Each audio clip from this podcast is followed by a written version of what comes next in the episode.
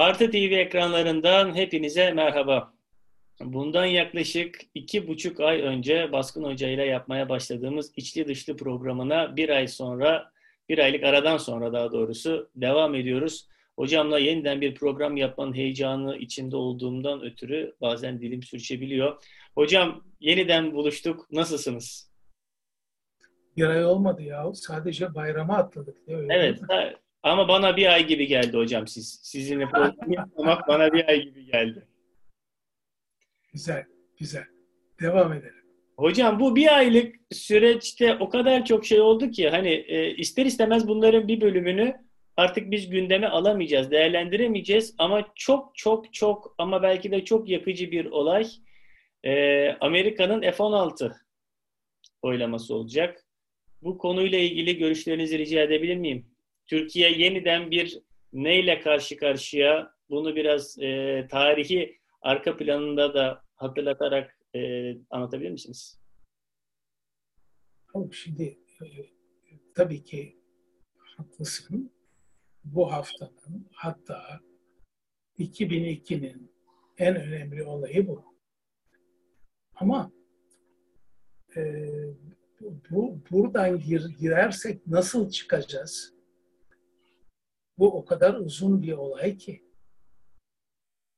e, başka şeylere vakit kalacak mı bilmiyorum. Ama bir girelim bakalım. Şimdi azizim, bu olay e, benim mülkiyeye girdiğim yıl 64 yılında e, bir Johnson mektubu geldi Türkiye'ye. Diyordu ki e, Kıbrıs'ta eğer bizim verdiğimiz silahları ki biz onları Sovyetlere karşı kullanmanız için verdik. O silahları Kıbrıs'ta kullanırsanız o sırada e, resmi tabirle e, barış harekatı gayri resmi tabirle Kıbrıs işgali kuzeyi olmakta. E, bu e, şeyleri e, orada kullanırsanız silahları olmaz. Son derece sert bir ifadeyle. Şimdi burada da aynı şey. Yalnız e, bu e, 1964 yılında kaç oluyor o sene sonunda 64 yılında olan bu olay ile bunun oluştuğu ortam farklı e, şu anda öyle bir ortamdaki Türk dış politikası, Türk dış politikası yok. Daha önce konuştuk. Erdoğan dış politikası var.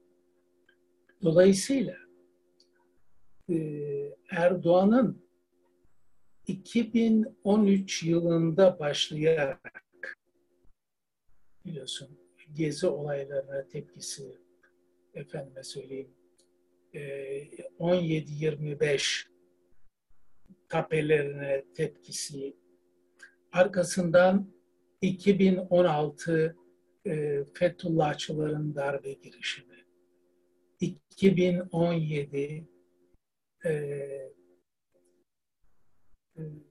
Erdoğan'ın kendisini tek adam ilan etmesi bütün bu olaylardan sonra her şey değişti Türkiye'de. Özellikle 2017'den sonra her şey değişti. Artık Türk dış politikası yok, Erdoğan dış politikası var. Hocam iki yakamız bir araya gelmedi ama o tarihten sonra. Pardon duyamadım. İki yak. Hocam iki yakamız bir araya gelmedi o tarihten sonra. Şimdi gelmedi çünkü tek adam yönetimi Türkiye'nin e, bünyesine çok yabancı. Ta Atatürk döneminden bu yana böyle bir şey yaşanmadı. Dolayısıyla e, özellikle tek adamın faiz konusunda yaptıkları ortalığı duman ettikten sonra Artık Türkiye aynı Türkiye değil. Neyse şimdi e, lafı uzatmayalım. E, sen ne dedin? Dedin ki F-16 meselesi, F-16 oylaması Türkiye için ne anlama geliyor? Bunun önemi nedir bizim için? Şimdi F-16 olayında hatırlatalım e, e, ve hatırlayalım. Bu arada biz F-16 diyoruz ama aslında unuttuğumuz bir F-35 vardı. Onu sen unut. O geçmiş olan. Ona da geliriz. Şimdi e, F-35 olayı tamamen Türkiye'nin dışlanması olayı. Çünkü Türkiye bir NATO üyesi olarak kalkıp gidip Rusların F-400'lerini aldı. Şimdi alacak iş değil birader. Biz gençliğimizde çok yönlü dış politika güdülsün diyorduk. Özellikle bu Johnson mektubundan sonra ama bunun çok yönlü politika ile ilgisi yok. Sen eğer NATO üyesiysen her şeyin bir rajonu var. NATO'nun genel kurallarının dışına çıkamazsın. Eğer çıkmak istiyorsan NATO'dan çıkarsın. O ayrı mesele. Dolayısıyla e, F-16 e, F-35 meselesini e, Amerika bitirdi. Bitirdi. Hatta bir şey hatırlatayım. Lafı uzatmak pahasına. Hiç sevmiyorum lafı uzatmayı ama hatırlıyorsun gün önce. Dün yani Hindistan'ın şey yapmasına ne derler ismini e, S-400 almasına Amerika itiraz etmedi. Türkiye'nin almasına itiraz etti. Neden? E çünkü birader Hindistan NATO üyesi değildi ondan. Çok basit. Eğer NATO üyesiysen raconuna uyacaksın. Uymayacaksan çıkacaksın. Neyse. Şimdi e, F-35'ler bitti. Bunu sun Türkiye. Türkiye ya her zaman Türkiye diyoruz ama bu Türkiye ile ilgili bir şey değil bu. Erdoğan'la ilgili bir şey. Erdoğan unutsun onları.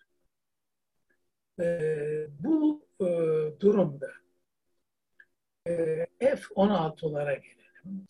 F-16'ları e, Yunanistan hava sahasını ihlal etmekte kullanamazsınız dedi Temsilciler Meclisi. Şimdi bu Türkiye için e, korkunç bir darbe. Yani Erdoğan için öyle ama Türkiye e, içinde alacağın uçaklar senin dış politikanın gerektirdiği biçimde kullanılır. İyi veya kötü, doğru veya yanlış. Ama bunu başka bir ülke söyleyememesi lazım. Söylüyorlar. Niye söylüyor Amerika bunu? Çünkü e, Türkiye e, bölgede bir e, nasıl söyleyeyim kendimi tehlikeye sokmadan çünkü Türkiye böyle bir duruma geldi. E, e, çünkü Türkiye e, bu e, hakikaten nasıl söyleyeyim ya? Neyse. Hocam bunu söyleyememek bile ülkenin ne durumda olduğunu gösteriyor yeterince. Maalesef öyle oluyor Bilge Şimdi bu F-16'ları e, kullanamazsınız Yunanistan'a karşı deme olayı. Burada bir takım teknik bilgiler vermek lazım. Şimdi 1931 yılında ki unutmamak lazım. O yıllar hem Türkiye'nin hem Yunanistan'ın Mussolini e, e, İtalya'sından fena halde e, korktuğu, en azından endişe duyduğu yıllar. E, ki 1936'da Türkiye Montreux'u yapacak. 31 yılında Yunanistan e, kalktı 3 yıl 3 mil olan e, kara sularını e, 10 mile çıkardı. Ve bu durumda hava sahası da 10 mile çıkmış oldu. E, tam hatırlıyor olmayabilirim. E, e, kara sularını çıkardı mı tam emin değilim ama hava sahasını 10 mile çıkardı. Şöyle ki e, kara sular 3 sonra 6 mil ondan sonra da 4 mil daha 10 mil. Şimdi bu durumda acaba e, Amerikan Temsilciler Meclisi'nin verdiği karara göre Türkiye nereye giremeyecek? Bu 10 mile mi giremeyecek yoksa Yunanistan'ın şu andaki kara suyu e, genişliği olan 6 mile mi giremeyecek? Bunun cevabını gene Amerikan Dışişleri Bakanlığı verdi. E, biz dedi 2020 yılında verdi bu cevabı. Biz dedi Yunanistan'ın 10 milini tanımıyoruz. Dolayısıyla e, bu e, Temsilciler Meclisi'nin verdiği karar 10 mile ilişkin değil 6 mile ilişkindir. Bir kere bunu bir tespit edelim. E, ikincisi bu e, dediğim gibi e, benim e, 64 yılından hatırladığım ülkeye girdiğim Johnson mektubu da buna benzer bir sınırlama getiriyordu. Ama o zaman Johnson mektubu zamanında e, Cumhurbaşkanı Erdoğan'ın yedi düveli yabancılaştıracak e, bir politikası yoktu. Maalesef şu anda var. Yedi düveli yabancılaştırmış vaziyetteyiz. Peki hocam biz ve, bunlar ve bunların başında da Amerika geliyor. Evet. Biz şimdi dış politikada hep ama şey demiyor muyuz işte e, milli egemenlik, e, bağımsızlık, tam bağımsızlık, e, böyle retoriklerimiz var ve sanki biz dış politikada attığımız her adımda içeriye öyle yansıtıyoruz ki büyük kahramanlıklar, büyük zaferler kazandık. Zafer olmayan tek bir şey var, o da Lozan. Şimdi o Lozan'ın zafer olup olmadığına geliriz de e, biraz önce söylediğin çok önemli. Yani kahramanlık. E, Türkiye'de kahramanlık yaptığın zaman oy alıyorsun. Ve o kahramanlık kamuoyunun nezdinde Türkiye'ye zararlı mıdır, yararlı mıdır bu pek tartışılmıyor. Ee, biraz önce konuştuğumuz gibi Cumhurbaşkanı Erdoğan özellikle 2017'den sonra e, artık e, tek adam olma kararını verdiğinden bu yana e, bu türden kararlar alarak yedi düveli Türkiye'ye düşman etti. Olay budur. Yani bu yedi düvel derken e, İsveç, Finlandiya'dan tut Mısır'a, Suriye'ye varıncaya kadar. Şimdi böyle bir durumda e, nasıl kalkıp da Türkiye'nin egemenliğinden, toprak bütünlüğünden, bilmem nesinden bahsedersin. Bunlardan bahsedemezsin. Bahsedeceğin şey kahramanlık yaparak milliyetçi oyları alma çabasından ibarettir.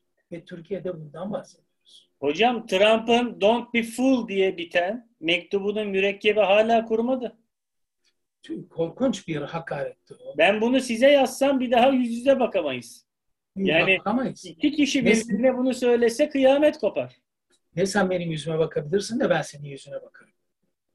Dolayısıyla böyle bir şeyi hak, e, yaptırtmamak lazım.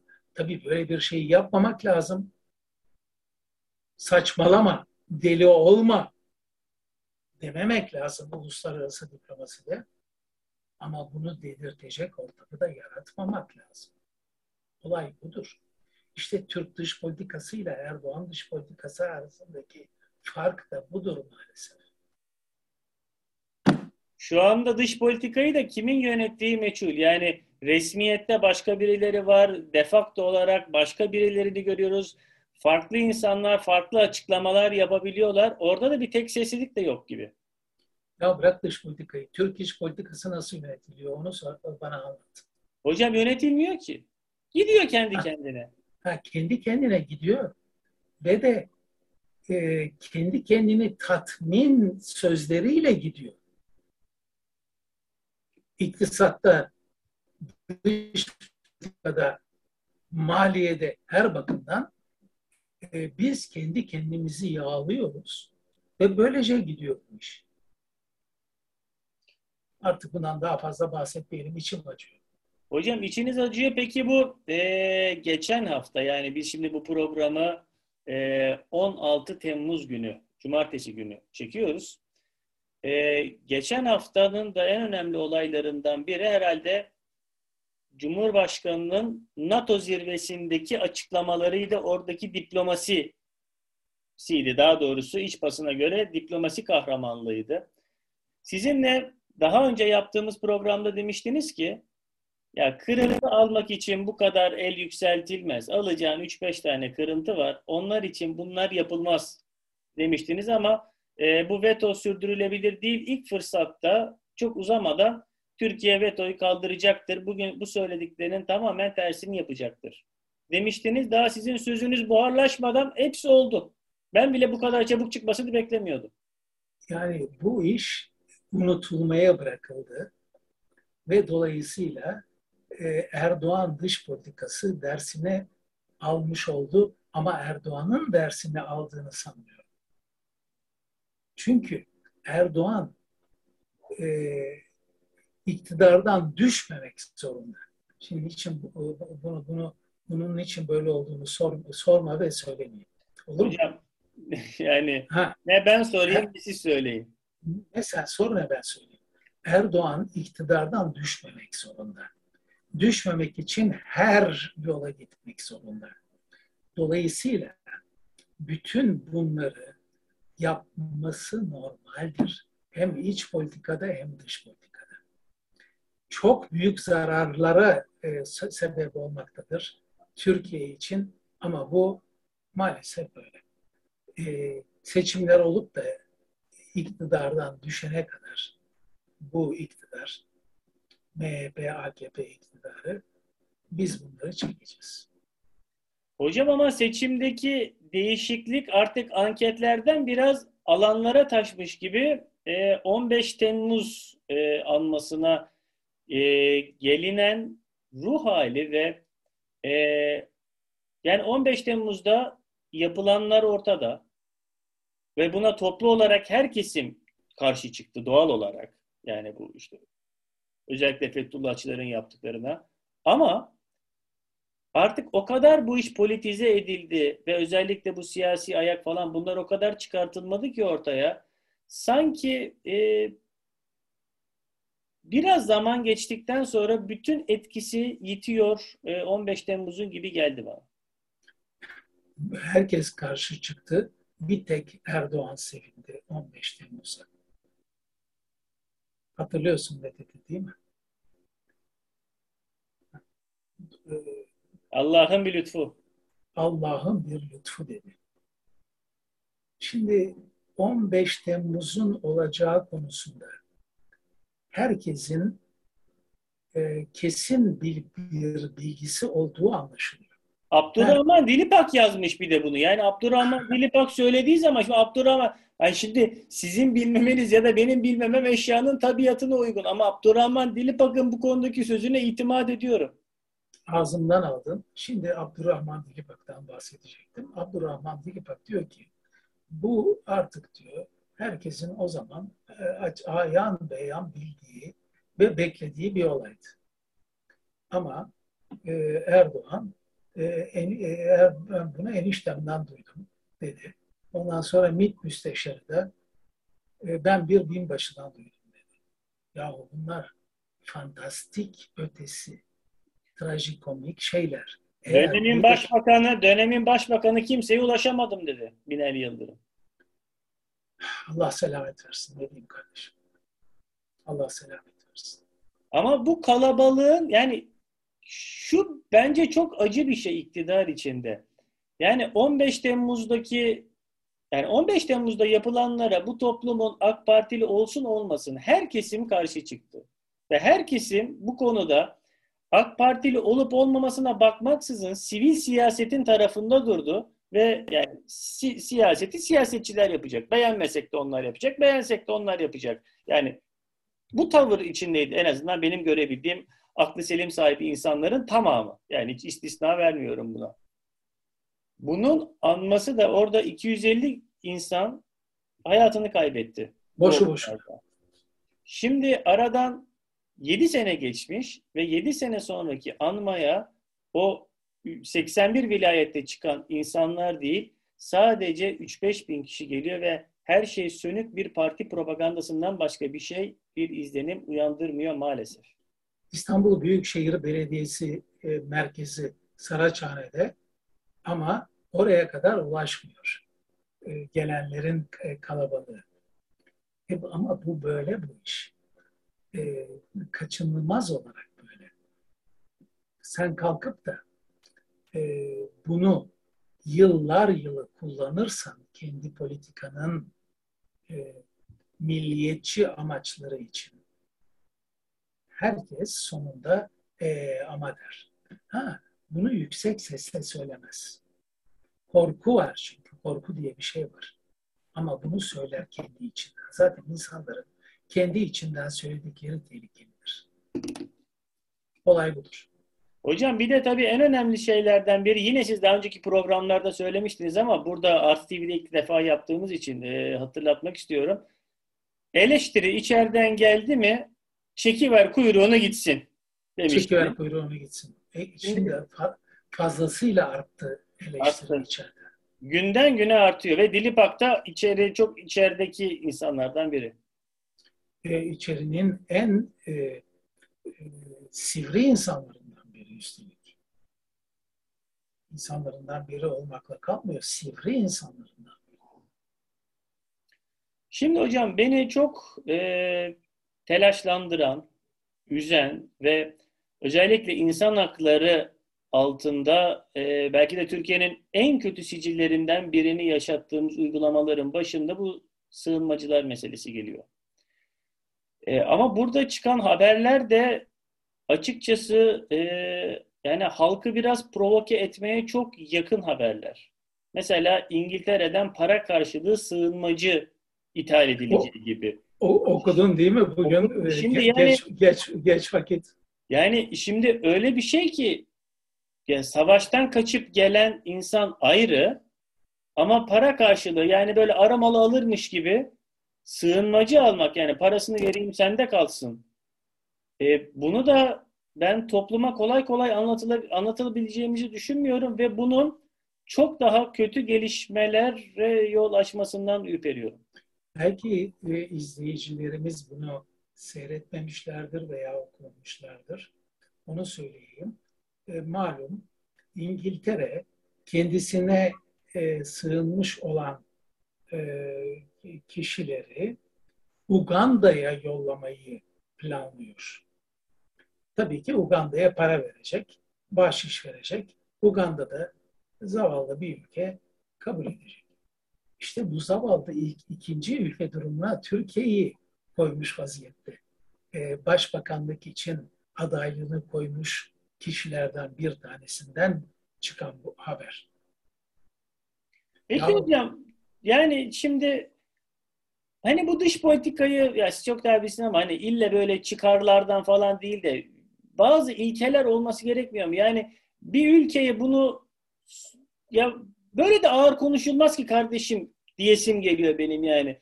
Yani ya sığınmacı Suriye'den, savaştan, Esad'dan kaçan adam ayrı ama sen de bana uçağa koyup gönderemezsin diye kim oluyorsun demek istiyorum. Ama ondan sonra aklıma geliyor ki ben kim oluyorsun diyebilmem için sağlam olmam lazım. O kadar çok yama olunca e, kim oluyorsun demek galiba pek mümkün olmuyor. Bilgehan, bundan da kötü durumlar var. Çünkü Suriye'den bize sığınan insanların sığınmasını biz sağladık. Yani Erdoğan dış politikası sağladı. Erdoğan dış politikası or, or, orada Esad yönetimine saldırdı. Bu insanlar da e, Esad'ın saldırması üzerine bize e, sığınmak zorunda kaldılar. Yani böyle şeyler var. Biz sığınmacılardan 4,5 milyon ya Türkiye kendi insanını besleyemez halde bir de 4,5 milyonluk Suriyelileri beslemek zorunda kalıyor ama bu Suriyeli, 4,5 milyonluk Suriyelinin gelmesinin sebebi Erdoğan'ın e, Suriye'ye karşı güttüğü dış politika. Sadece o da değil. Tabii şimdi Afganlar falan da var. Afganlar var. E, Afrika'dan gelenler var. Allah aşkına hiç karıştırma. Onları karıştırma. Bu, bu, bunlarla e, e, şey yapalım. Yetinelim bence. Şimdi bir de bu Suriyeliler vatandaş yapılıyor. Oy verecekler. Hocam zaten dönüp dolaşıp her şey en nihayetinde oya gelmiyor mu ya? Seçime. Çünkü seçim çok kritik. Seçim çok yaklaştı. Kaçacak vakti. Yani seçimin kaçacak vakti kalmadı. Yani daha uzamayacak seçim. Eli kulağında bir senesi var. Belki on ay var. İ, iktidar çok korkuyor düşmekten. Eğer bir iktidar düşmekten şimdi bütün her iktidar iktidarda kalmak ister Allah'ın emri. Ama bir iktidar bu kadar korkuyorsa düşmekten bunun altında yatan önemli şeyler var demektir. Hiç girmeyelim. Hocam bugün internette bir haber düştü ve e, bayağı Kızılca bir kıyamet kopardı. Acaba Kızılca kıyamet koparmaya gerek var mı bu haberde? Yoksa yok mu? Siz karar verin istiyorum. O da Nedir o? Nedir o? Araplar için oluşturulan özel okul. Şimdi bir okul kurulmuş Türkiye'de Milli Eğitim Bakanlığı'na bağlı olarak. Ha, du, du, du, duydum. Arapça e, e, reklam yapmış. Re, reklam yapmış. Evet. Sadece Araplar e, gelecekmiş. Arap öğrenciler olacakmış. Şimdi bunu hem Lozan bağlamında bir sizden dinlemek istiyorum. Türkiye'de Türkçeden başka dil yoktur mu? Çünkü bu kitle de bu başladı şimdi. Bir tramvayda biri yabancıyı kovuyor. Burası Türkçe diyor. Çerkezlere ayrı bir zulüm yapılıyor. 13 yaşında çocuklar Musevi mezarlığını kırdı deniyor. Ama pişmekte olan bir şey var gibi geliyor bana. Ee, bir, bunu teori bağlamında Lozan'la değerlendirmenizi, iki bir de güncel siyaset olarak ele almanızı rica edeceğim sizden. Şimdi Lozan bağlamında derken neyi kastettin tam olarak? Yani Türkiye'de Türkçeden başka ana dilde eğitim yapılamaz mı? Mesela. Şimdi azizim, e, Lozan'la ilgili bir kural değil bu. E, bu e, Türkçeden başka dilde ana eğitim yapılamaz diyen bir kanun var. Fakat burada ana dilde eğitim meselesinden çok e, Türkiye'de Türkçeden başka dil konuşabilir, konuşulabilir ve yazılabilir mi meselesi var. Lozan'ın 39. maddesinin 4. paragrafı açık açık diyor ki e, bütün Türkiye Cumhuriyeti vatandaşları e, her dili konuşabilir, yazabilir ve buna karşı hiçbir sınırlama getirilemez. E, ne, oluyor? Ee, Kürtçe gazetelerin çektikleri, Kürtçe konuşanların çektikleri, şimdi Arapça e, eğitim meselesi. Şimdi bütün bunlar Lozan diyorsan Lozan'ın 39 bölü 4 maddesinin ihlalidir. Bunun yanı sıra e, bu e, gün, e, iki gün önce azınlıklar konusunu çok iyi bilen e, Profesör Samim Akgönül Strasbourg Üniversitesi'nden değil mi? Strasbourg Üniversitesi'nden 33 yıldır mı 35 yıldır mı ne orada e, yazdı. Dedi ki biz dedi önümüzdeki yıllarda oluşacak bir azınlık meselesini önlemeye şimdiden tedbir almazsak yanarız dedi. Kimden bahsediyor? Ee, dört buçuk milyonluk Suriyeli sığınmacıların çocuklarından bahsediyor. Bu çocuklar yarın öbür gün bunlar etnik olarak farklı. Arap. Dil olarak farklı. Arapça. Sınıf olarak farklı üstelik. Çünkü bunlar e, memleketlerinden kaçmış olmak nedeniyle zor bir durumdalar. İktisadi bakımdan da zor durumdalar. Şimdi eğer Türkiye bu çocukları, bak dikkat, çok çok dikkat, asimile etmeye kalkarsa yanar. Ama Samim diyor ki bu çocukları entegre etmek için gerekli önlemler alınmıyorsa biz yanacağız. 10 sene sonra. Çünkü bu çocuklar kendi dilinde konuşmak isteyecek, kendi dilinde yazmak isteyecek. Bugün nasıl biz Kürtlere kendi dilinde yazmak, konuşmak konusunda tepelerine güm güm biniyorsak Lozan madde 39 bölü 4'e rağmen, açık hükme rağmen bu çocukların da bineceğiz yarın demektir. Al sana buyur bakalım. Ve bu sadece bir, hepinizi içmenizi istemiyoruz, hepinizi göndereceğiz diyerek çözülebilecek bir konu da değil. Yok. Ne, ne e, şey muhalefet, ne iktidar. E, sen onların dediklerine bakma. Seni göndereceğiz olur. Bu, bu insanlar buraya geldi ve burada kalacak.